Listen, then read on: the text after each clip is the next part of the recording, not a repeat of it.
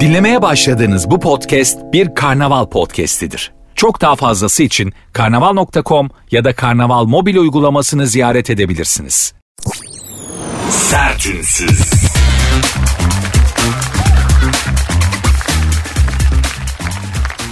Herkese merhaba. Sertünsüz başladı. Ben Nuri Özgül. Saat 22'ye kadar beraberiz. Saat 22'ye kadar günün, günlerin ve gündemin bünyenizde biriktirdiği negatifi alıp bir miktar da olsa pozitif vermeye, sizi stresten arındırmaya, lop et şeklinde peluze gibi böyle pırıl pırıl bir kenara koymaya çalışacağım. Yaparım yapamam bilmiyorum ama bana bunu yap diye bu saate ayırdılar. Tam böyle ne anlatayım ne anlatayım açılışta. Girişte insanlara ne söyleyeyim derken. Çünkü ben eski kafalı biri olduğum için programın giriş gelişme ve sonucu var. Şimdi bu tarz bir şey yapılmıyor ama tam böyle ne anlatayım ne millete açılışta ne söyleyeyim diye düşünürken Özge Ulusoy hanımefendinin milyonluk çantalarıyla dolu dolabıyla ilgili bir paylaşımı dikkatimi çekti. Hanımefendi böyle işte çantaları, kadınlar çantalara meraklı olurlar biliyorsunuz. Hanımefendi böyle milyon eden hepsini toplayınca milyon TL eden çantalarla dolu bir dolabı varmış onu paylaşmış. Çok sert tepkiler almış Özge Ulusoy vatandaştan. Yani işte klasik biliyorsunuz popülist tepkiler milletin yemek yemeye parası yok. E onun var. E var ne yapacaksın yani? Hani kadının çok parası var çantaya para harcıyor. Sen de yok diye o harcamasın mı? Lütfen ayıralım bunları artık. Neyse çok sert tepkiler gelmiş vatandaştan. Vatandaş sert yapınca Özge Ulusoy da sert yapmış. Demiş ki köpek gibi çalışıp kraliçe gibi yaşıyorum. Aslan gibi de vergimi ödüyorum. Kime ne demiş? Köpek gibi çalışıyorum. Hani farkında mısınız ifadeler? Hani bir anda şimdi Özge Ulusoy bebek Arnavutköy hattının bir insanı görece daha elit bir çevreden hanımefendi. İşte sevgilileri hayatına giren çıkan adamlara da baktığınız zaman onlar da elit üst kademeden iyi kazanan burjuvanın zirvelerinden adamlar falan ama üzerimizdeki hepimiz üzerimiz hepimizin üzerindeki cilayı biraz kazınca e, hani Özge Ulusoy'a dahil içindeki o şarampol mahallesi çocuğu hemen ortaya çıkıveriyor farkındaysınız. Köpek gibi çalışıyorum diye. Ben hiç e, çalışkan köpek görmedim. Bu deyim yanlış zaten. Siz hiç gördünüz mü? Köpek ya çalışkan köpek gördünüz mü? Ben bir tane çalışan, iş üreten köpek cinsi gördüm. O da Bernes, dağ, Berner yani İsviçre'nin Ben kentinde üretilmiş. İri yarı bir dağ köpeği vardır Berner diye. Onlara böyle toprak çektirirler. Onlar için yapılmış arabalarla. Onun dışında da ben çalışkan köpek yani karınca gibi çalışıyorum dese anlayacağım mı? Köpek gibi çalışıyorum. O ne biliyor musun? Aslında o o kendisini eleştirenlere söylüyor köpek lafını. Hepimizin içinde, hepimizin üstünde böyle bir cila var. Az ya da çok. Hiç olmayanımız da var. Onlara sözüm yok ama ben dahil hani hepimizin üstünde böyle kendimizi örtmeye çalıştığımız bir cila var. Onu biraz böyle dokununca bam telimize o cila birden dökülü veriyor içimizdeki o gerçek şey bu toprakların çocuğu bir anda böyle diye ortaya çıkıyor. Bu herkes için böyle. Ben vaktiyle bundan zannediyorum 7-8 sene önce daha fazla da olabilir. Dünyaca ünlü bir ilaç firmasının e, Antalya'daki to- şirket toplantısına katılmıştım ama hani ya şirketin yöneticisi Avrupa'nın en önemli adamlarından biri falan gösteriyordu. Türktü. Neyse efendim işte yönetici masasında oturuyoruz. Konuşulan muhabbet işte e, Kurşavel'de tatil yaptım. E, ben Aspen'a gittim. İşte Brahms konuşuluyor. Van Dyck tablosu almış bir Hollandalı meşhur bir ressam Van Dyck. Onun tablolarını almış bir tanesi. İşte Van Dyck'ı seviyorum. Daha böyle e, old school resim falan. Böyle şeyler konuşuluyor. Anlatabilir miyim? Gecenin ilerleyen saat bunlar konuşuldu. Brahms'lar, Van Dyck'lar havada uçuşurken gecenin belli bir saatinde yenilen içilenin de etkisiyle herhalde biraz gevşedik ve DJ o ana kadar böyle batı müziği işte disco müziği çalan DJ birden Palar emziği çalmaya başladı. İbrahim Tatlıses'ten Palar emziği. Bilen bilir. Arkadaş az önce o Johann Sebastian Bach, e, Brahms'tan pardon Bach değil Brahms'tan e, Hollandalı ressam Van Dyck'tan işte Kurşavel'de Espen'da karın kalitesini karşılaştıran adamlar bir anda Allah'ım Allah'ım oğlum ne oldu az önce Brahms diyorduk Van Dyke diyorduk ne oldu İbrahim Tatlıses'te Pala Remzi'ye döndük Ya bana kalsa hep İbrahim Tatlıses hep Pala Remzi. Onlardan konuşalım. Zaten aslımız içimizde olan o da. Hani o cila ne çabuk döküldü ya. Bir tane şarkının daha hani introsu bitmeden herkes yardırıyordu ayakta Pala Remzi diye. Abi ama az önce Brahms diyordunuz. Üçüncü senfonisi. Ondan bahsediyorduk. o Andayk resimlerinden bahsediyorduk. Diyeceğim hepimize vurulmuş bir cila var. Az ya da çok. O cilayı biraz kazınca içerideki gerçek biz ortaya çıkıveriyor. İşte Özge Hanım'a. Bu kızcağızı ben birkaç kere bir araya geldim. Bizim Pascal Numan'ın arkadaşıdır, dostudur yani. Dünya tatlısı, dünya zarif. Böyle şeker gibi bir kız yani. Çok pozitif elektriği olan. İnsana kendini iyi hissettiren. Ama bir anda yani saçını başını yollarıma bağlayınca işi kızınca olmuyor. Oturmuyor yani. Allah kimseye cilasının döküleceği ortamlara da sokmasın. Sertünsüz.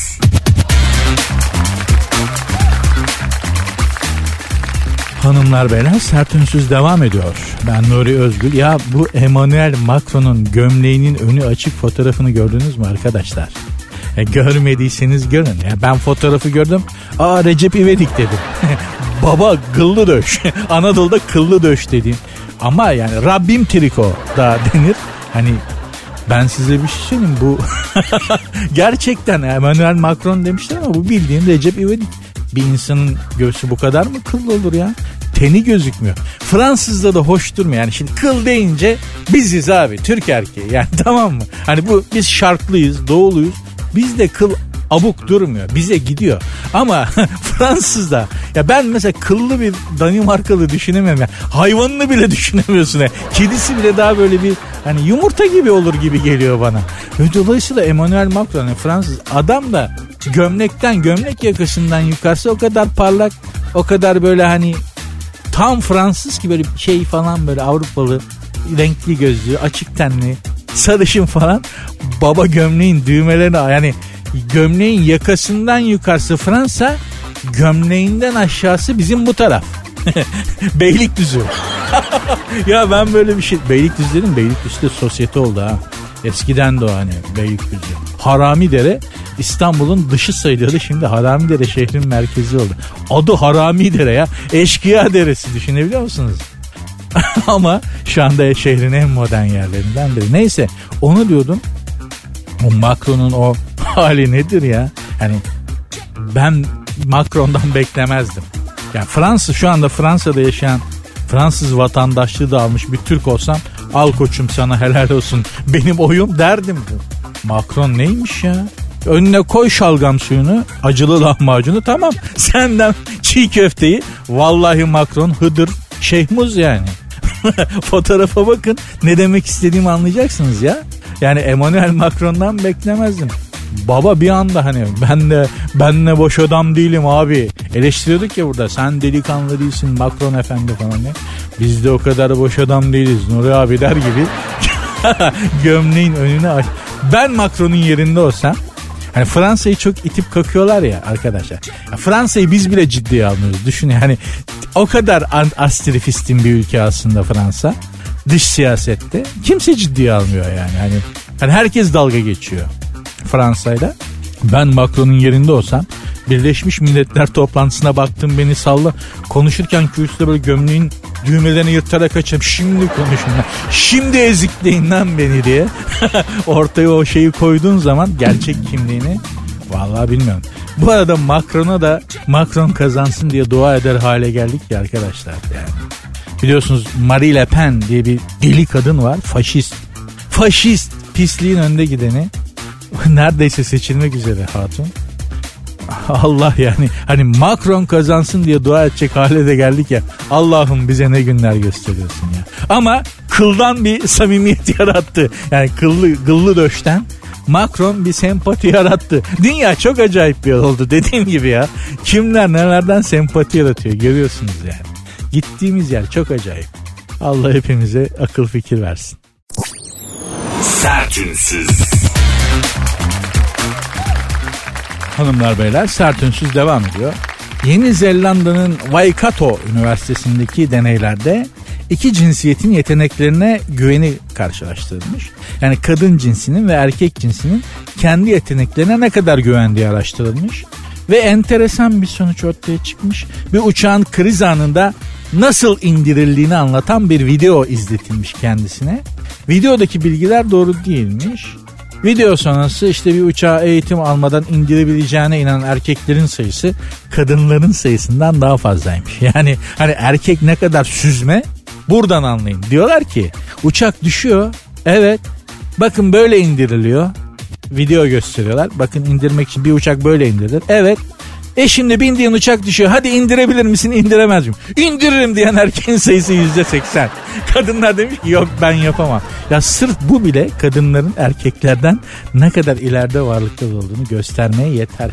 ya yüzde seksen erkek demiş ki ben o uçağı indiririm. Lan ha uçağa binmeyi oturmayı bilmiyoruz ya.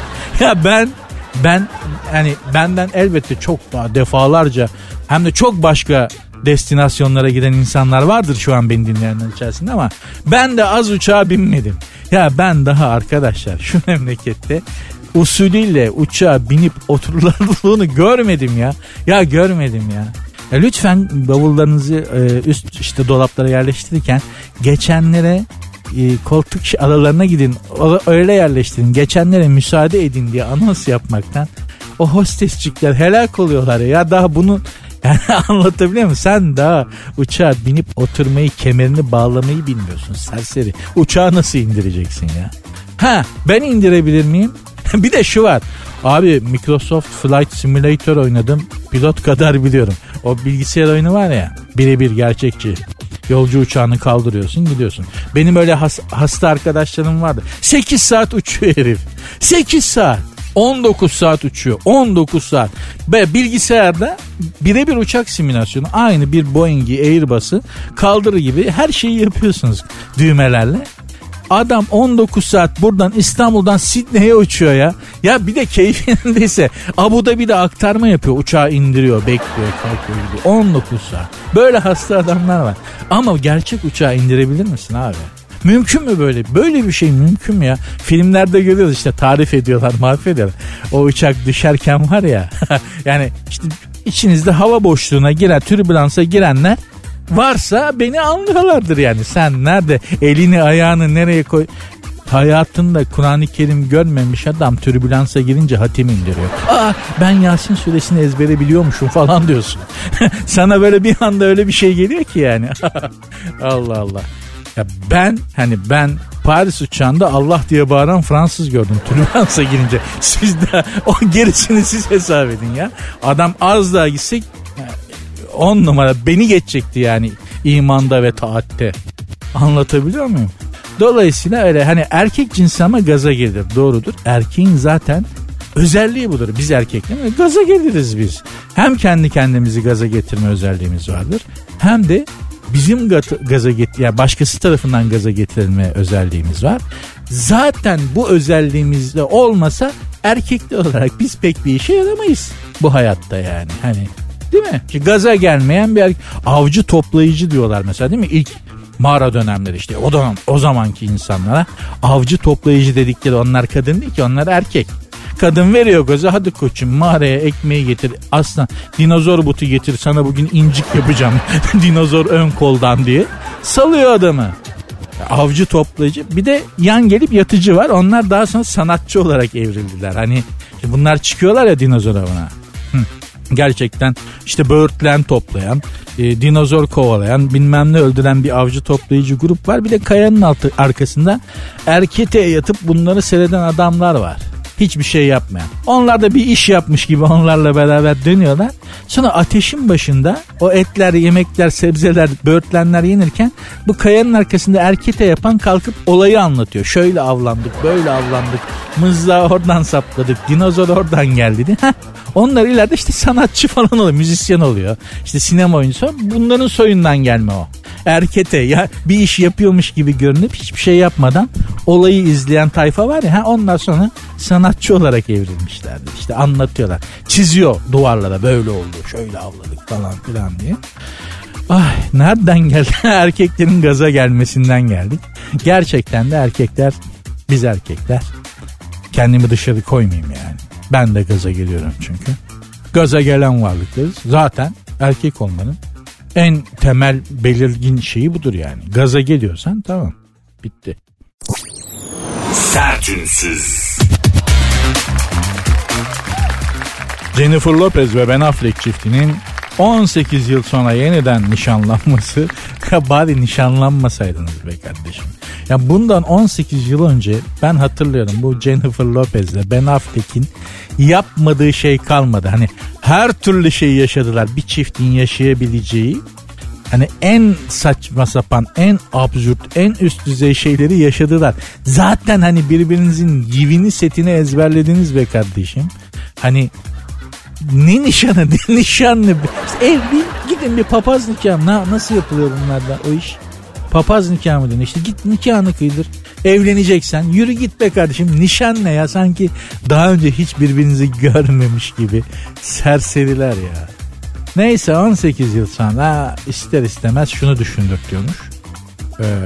Ee, X'ten next oluyormuş meğerse diye. Gerçekten de X gibisi yoktur. Yani hani bir şeyini bilirsin be. Yani evim evim güzel evim durumu var ya hani e, X'in şöyle bir güven duygusu var. Bilirsin ya güvenli bir limandır. O yüzden herkes mesela bir dönem bir eski manitayı eski sevgiliyi ararsın kadın erkek yani.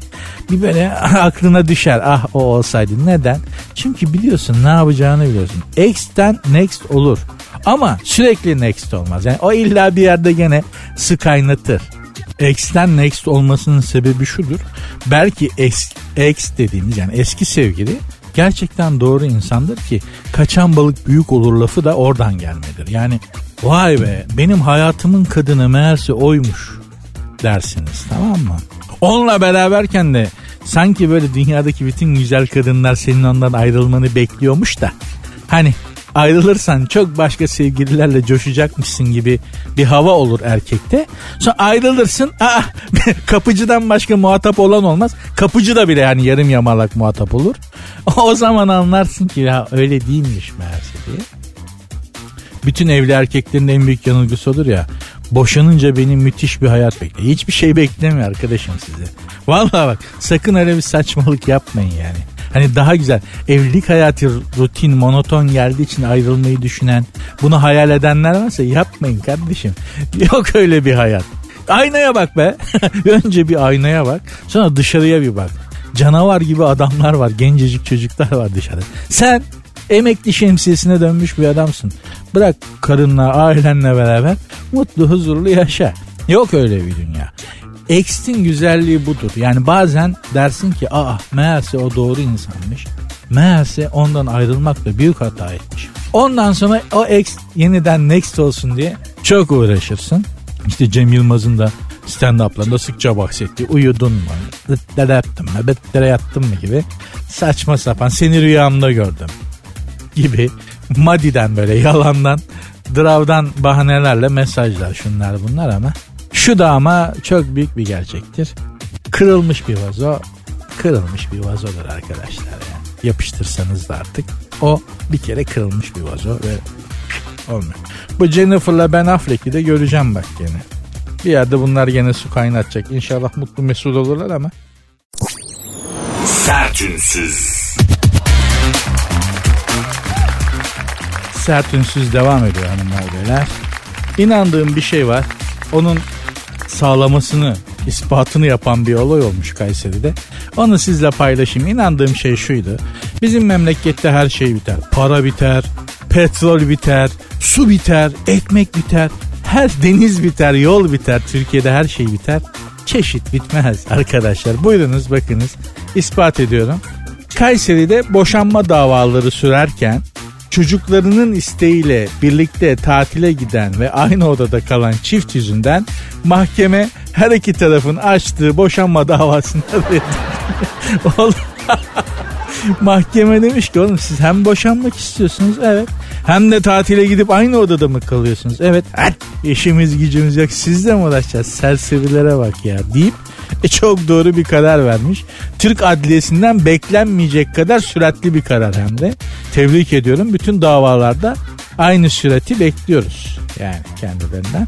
Hangi şeydeydi dizideydi? Yılmaz Erdoğan'ın Neşeli Hayat filmindeydi. Avukat öyle diyordu yani. Biz kazanamasak da biz avukatız yavrum. Davayı kazanamasak da uzatırız diyordu. Hani sadece adliyeye de çamur atmamak lazım. Avukatlar da az değil. Davayı uzatmak için neler yapıyorlar. Neyse ama yani arkadaşlar şimdi boşanmak istediğiniz artık bitmiş aranızdaki duygusal alışveriş, gidiş geliş, elektrik her şey bitmiş. Biz ayrılacağız demişsiniz. Evet çocuklar da tatile gidelim beraber diye tutturmuşlar. Hadi son bir deyip ya gene aynı odada kalın ya. Oğlum o zaman siz niye boşanmak istiyorsunuz? Serserilere bak ya. Ya aynı odada kalabilecek haldeyseniz aynı şeyde yatak odasında yani değil mi? O haldeysen niye boşanmak istiyorsun evladım? Demek ki çözülebilecek bir durum mu yani? Helal olsun mahkemeye. Her zaman söyledim yine söylüyorum. Türkiye'de her şey biter. Her şeyin bir sonu var Türkiye'de. Dünyadaki bütün her yerde olduğu gibi. Dünyada çeşidin de bir sonu var. Bizdeki durum o açıdan farklı. Bizde çeşit bitmiyor. Mutlaka yeni bir çeşit piyasaya sürülüyor. Al bir de bunlar çıktı işte şimdi. Tövbe estağfurullah ya. Sertünsüz.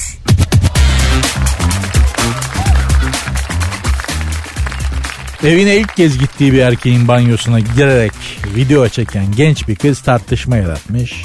Sosyal medya kullanıcıları genç kızın özel hayatın gizliliğini ihlal ettiğini dile getirmiş. Hayret. Sosyal medyada özel hayata saygı. Duy da inanma ama varmış.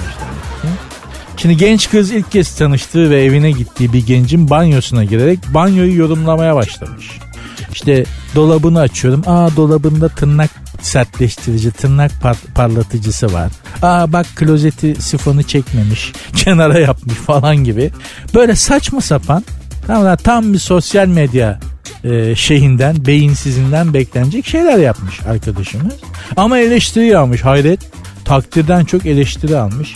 Şunu söylemek lazım gerçekten de artık misafirler de sapıttı. Yani eve gelen misafir tuvalete gitmek isteyince önce telefonu sehpaya bırak sonra falan diyeceğiz artık yani. Kimin ne yapacağı belli değil ya eve gelen. Zaten misafir gelecekse değil mi banyo tuvalet hani özel olarak bu alanlar temizlenir. Temizse bile yine temizlenir yani. Biz annemizden böyle gördük. Ev temizse bir daha temizlenir misafir geliyor diye. Havlular mavlular falan değil mi yani? Hatun adamın banyosunu video çekip internette yorumlamış ya. Tuvaleti yorumlamış tuvaleti. Oturduğu tuvaleti yorumlamış. Bana diyorlar ki abi gittiğimiz yer çok acayip bir yer diyorsun çok canımı sıkılıyor. Buyur evladım eve hatun geliyor. Sen de bekar adamsın. Kızcağızı evine davet etmişsin gelmiş. Neşe içerisindesin değil mi? Yani umutların var. Mutlusun. Yani bir hanımefendi senin davetine davetine olumlu cevap vermiş. Hani ispinoz kuşu da olsan bir dişi böyle öttün öttün senin dala kondu diye mutlu olursun. Erkek olmanın doğası gereği yani. Raconu yani. Kuş da olsan aslan da olsan bir dişi senin çağrına cevap verince bu bir mutluluk geleceğe dair bir umut yaratır. Kızcağız evine gelmiş. Çocuktaki neşe, mutluluk, umut hat safhadayken hatun banyoya giriyor. Senin klozeti çekiyor, dolabını açıyor çekiyor. Kirli sepetini açıyor yorumluyor falan diyor. Aa silip giyiyormuş beyaz. Aa lekeli. Ya arkadaşlar gerçekten bu sosyal medyayı kapatmak mı lazım ya? Ha, ben böyle şeylere de karşı değilim ama gerçekten gittiğimiz yer iyi bir yer değil yani. Şimdi o kıza ne yaparsın? Na, ya ne yapılır? O, o kıza ne yapılır? Ne yapılır? Nasıl bir tepki verilir? Lütfen siz cevap verin. Tabii ki şiddet uygulamak dışında yani. Hani o bir seçenek bile değil ama hani ben kovardım evimden. Defol git diye değil. O kadar kibar olmazdı. Ama ba- bayağı bir kovardım. Bu olacak şey mi ya? Ya çocuğun kirli sepetine falan bakmış. Arkadaşlar düşünün çok merak ediyorum. Vicdanlara soruyorum ya vicdanlara sesleniyorum. Mantıklara sesleniyorum. İkisine aynı anda sesleniyorum. Evinize gelen bir misafir girdi banyoya siz medeni ihtiyacını gideriyor. Tuvalet ihtiyacını gideriyor zannediyorsunuz. Çıkardı telefonu Instagram'dan canlı yayını açtı. Sizin banyoyu yorumluyor. Kirli sepetinde şunlar var. İşte dolapta şunlar var. Diş macunu şöyle, diş fırçası böyle. Bak klozeti böyle falan diye anlatıyor yani. Ne yaparsınız? Lütfen bana yazar mısınız? Instagram ve Twitter adreslerim aynı. Sert unsuz yazıp Sonuna iki alt koyuyorsunuz. Sert unsuz yazıp sonuna iki alt tire koyuyorsunuz. Benim Instagram adresim de var. Nuri Ozgul 2021. Oraya da yazabilirsiniz. Çok merak ediyorum. Lütfen. Sertünsüz.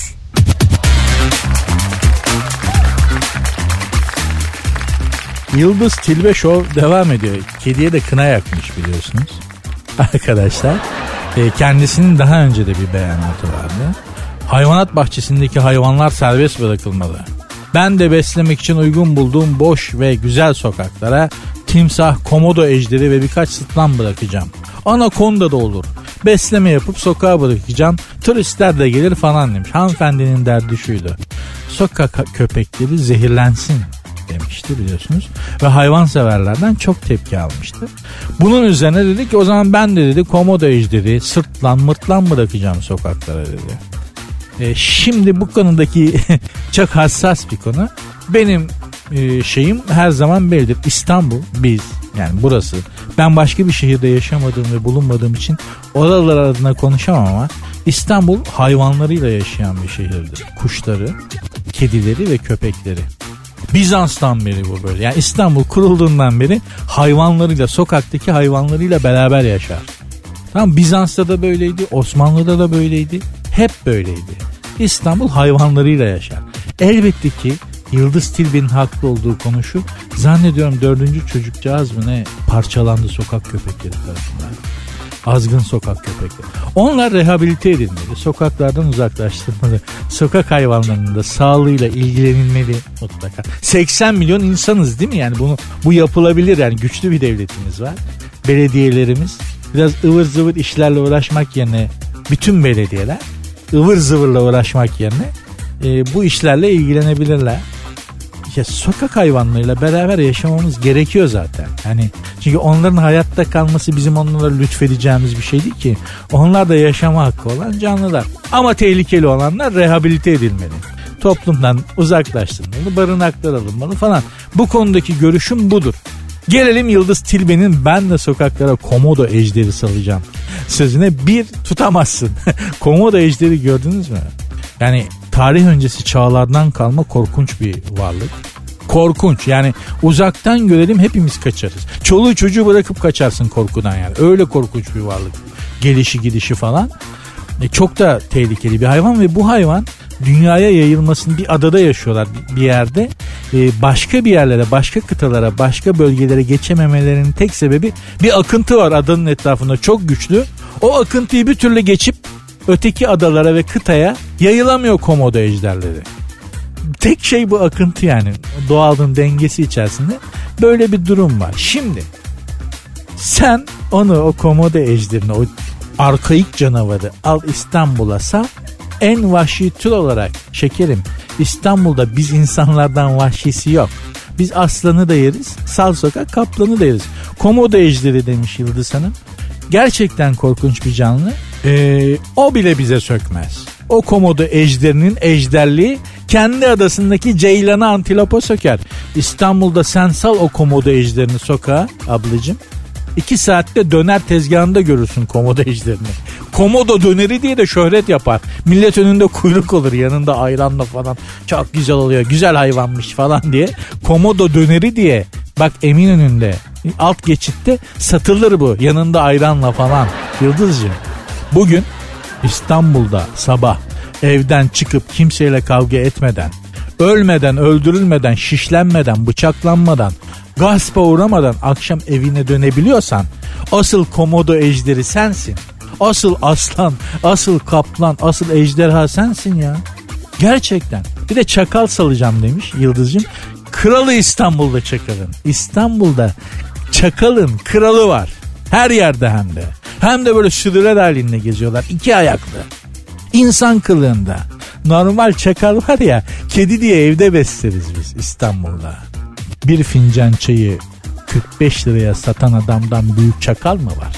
Şimdi konuşturma beni sevgili Yıldız Tilbe. Lütfen yani. Islah edilecekse önce bunlar ıslah edilsin. Köpeği kediyi ıslah ederiz bir şekilde. Şunu sona ekler misiniz? Programın adı Sert Ünsüz. Ben Nuri Özgül. Instagram ve Twitter adresim sert unsuz yazıp sonuna iki alt tire koyuyorsunuz. Benim Instagram adresim de Nuri Ozgul 2021. Görüşlerinizi, fikirlerinizi sormak istediğiniz, söylemek istediğiniz bir şeyler varsa buralara yazabilirsiniz. Ya da ya ne biçim program yapıyorsun ya sen. Hiç mi adam kalmadı? Arkadaş bu iş ayağa düştü falan gibi hani moralimi bozacak kadar canımı sıkacak kadar böyle sert eleştirileriniz varsa onlara da eyvallah. Onları da yazın. Cevap veririm ama. hani haberiniz olsun da. Hani ileri geri konuşursanız ona da cevap veririm yani. eyvallah yok. Onu bilin de ona göre yazın. Yoksa ne derseniz başımızın üstünde hiç. Sertünsüz. Bunlar iyice coştu ha gerçekten bak. İngiltere Başbakanı Johnson'dan bahsediyorum. Bu var ya sarı. Kanarya bir tane var ya böyle Boris Johnson. O. Rusya kitle imha silahı kullanırsa Birleşik Krallık Silahlı Kuvvetleri NATO'dan ayrı olarak müdahale etme hakkını saklı tutar. Bunun için hiçbir ülkeye danışmamıza gerek yok. Rusya bize bomba atarsa biz de Rusya'nın kafasına nükleeri çakarız.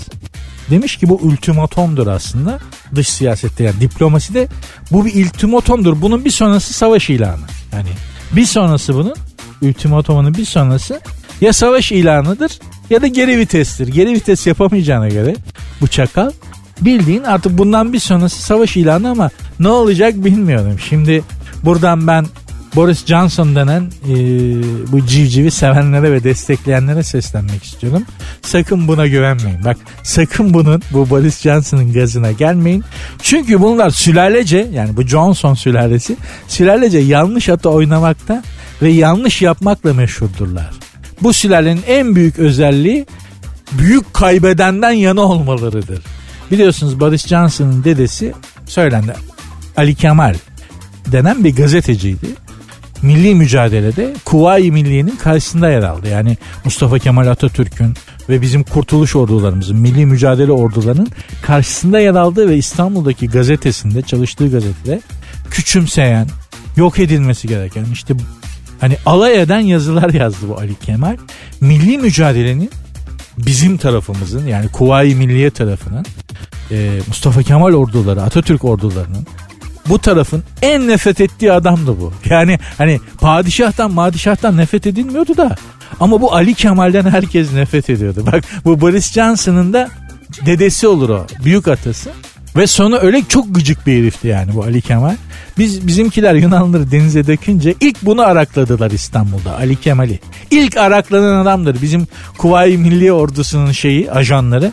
Biliyorsunuz Kurtuluş Savaşı milli mücadele kazanıldı. İstanbul'u 6 ay sonra girdi ordularımız. Yani İstanbul'a hemen şey yapmadık. Biliyorsunuz zaten bilmediğiniz bir şey değil değil mi yani hani iki sene sonra da tam olarak biz Boğazların kontrolünü falan aldık öyle hemen olmadı yani. Neyse zaten bildiğiniz şeyler anlatmayayım. Bu ilk tutuklanan bu Ali Kemal yargılanmak üzere Ankara'ya da getirilirken İzmit'te e, Nurettin Paşa'nın ordusundaki askerler tarafından linç edildi parça parça edildi. Öyle öldürüldü Ali Kemal. Bu Boris Johnson nasıl oldu diyeceksiniz. Onun e, çocuklarından işte biri İngiltere'ye gidiyor da bir kontesi kafalıyor, evleniyor falan filan. Bu Boris Johnson öyle oluyor. Diyeceğim. Bunun dedesi de bir şey değildi. Zannetmiyorum Boris'ten de Boris de gevşek bir adam görüyorsunuz partileme martileme falan filan. Artık o da bizim meselemiz değil o da Kırıkkalelilerin Kalfatlı köyü. Kırıkkale'nin Kalfatlı köyünden. Yani memleket ya gurur duyuyorum. Ya İngiltere'nin başbakanı, İngiltere'nin Birleşik Krallığı'nın başbakanı Kırıkkale'nin Kalfatlı köyünden ya. Tüyü bozuk gillerden Boris. Seviyorum ya böyle şeyleri gerçekten. Diyeceğim aman Boris Johnson öyle dedi falan ciddiye almayın. Ya önemsemeyin de arkasında da durmayın. Bu sülale hep kaybeden oynar. Sertünsüz. Hanımlar beyler sert ünsüz devam ediyor. Giyinme sırası kişiliği yansıtıyormuş. İngiliz psikolog ve davranış uzmanı bilmem kim bilmem ne giyinirken izlem, izlenen sıranın e, karakter hakkında güçlü ipuçları verdiğini ortaya koymuş söylemiş. İç çamaşırı giymeden makyaj yapmaya baş tövbe. Aziz mübarek günde. Neyse bilimsel araştırma okuyorum efendim. Yani iç çamaşırı giymeden makyaj yapmaya başlamak o gün için özgüvenli ve hazır olduğunuz anlamına geliyor. Bence dalgın olduğunuz anlamına geliyor. Yani pek hani e, kafanız henüz ayılamadığınız daha henüz uykuyu üzerinizden atamadığınız anla iç çamaşırı giymeden neyim bu? Tövbe. Allah'ım ya Rabbim ya. Tövbe. Önce üst beden giymek, önce üst beden kıyafetlerini giymek, harekete hazır olmak ve etkileyici olma isteğini gösteriyormuş.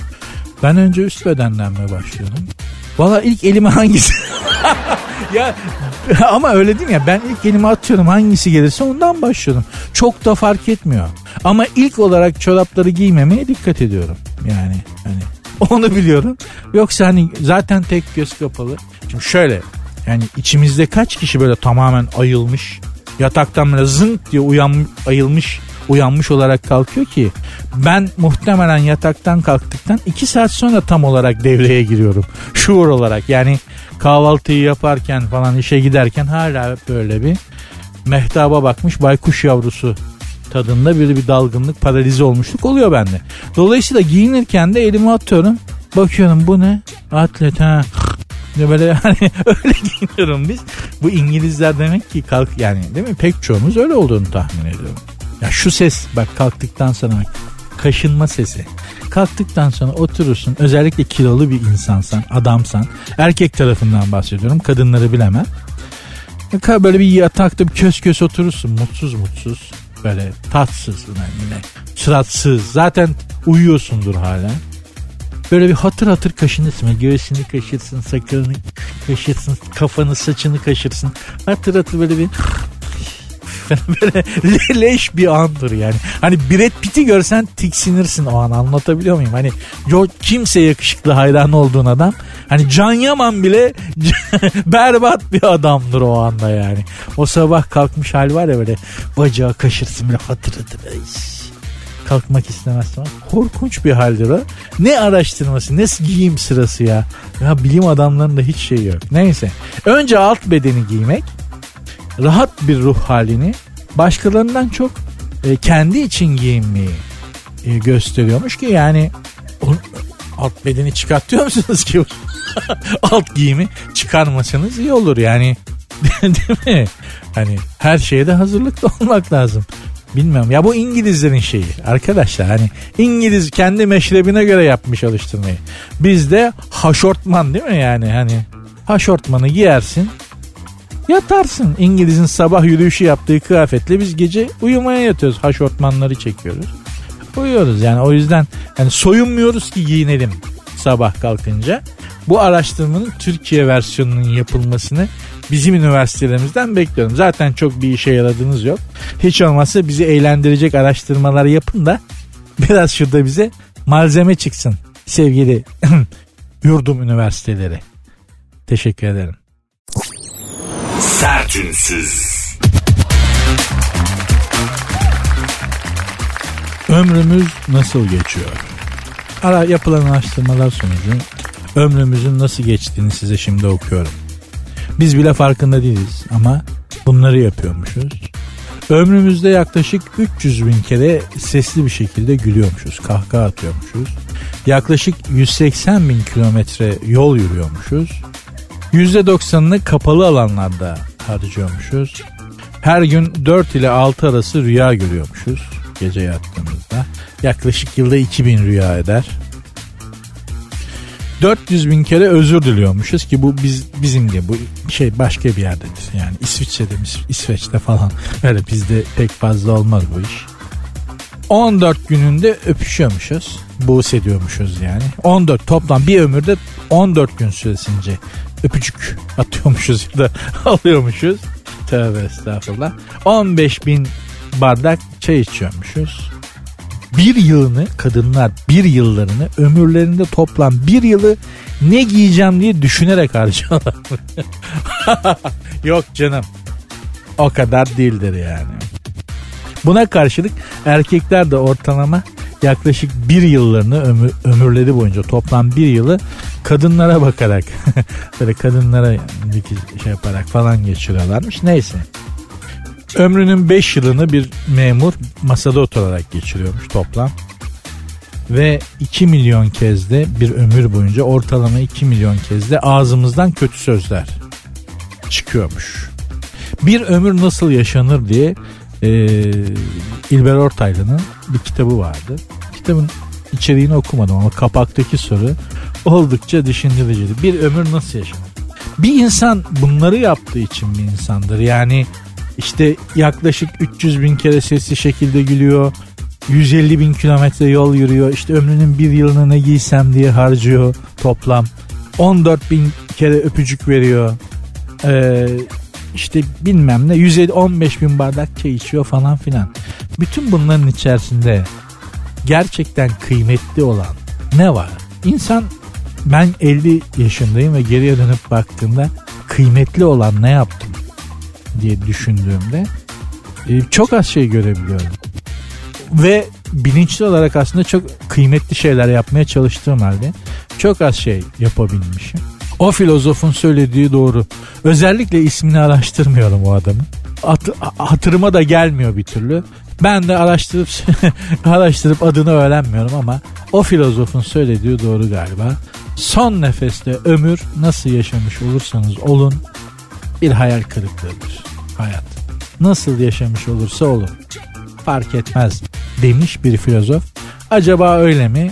Onu da o an gelene kadar bilemeyeceğiz ama en güzeli, en doğru yaşama şekli de galiba yine de kıymetli şeyler yapmaya çabalamak ve zaman harcamak galiba hanımlar beyler. Biliyorsunuz son anonslarda böyle çok bilmişlik yapmayı severek programı bağlıyorum. İnşallah canınızı sıkmamışımdır. Programı patron dinlemediyse işte Burak, Canberk falan onlar dinlemediyse onlar dinlediyse biraz zor. Neyse efendim Instagram ve Twitter adreslerini vereyim. Sert unsuz yazıp sonuna iki haftaya koyuyorsunuz. Benim Instagram adresim de Nuri Ozgul 2021. Görüşmek üzere. Dinlemiş olduğunuz bu podcast bir karnaval podcastidir. Çok daha fazlası için karnaval.com ya da karnaval mobil uygulamasını ziyaret edebilirsiniz.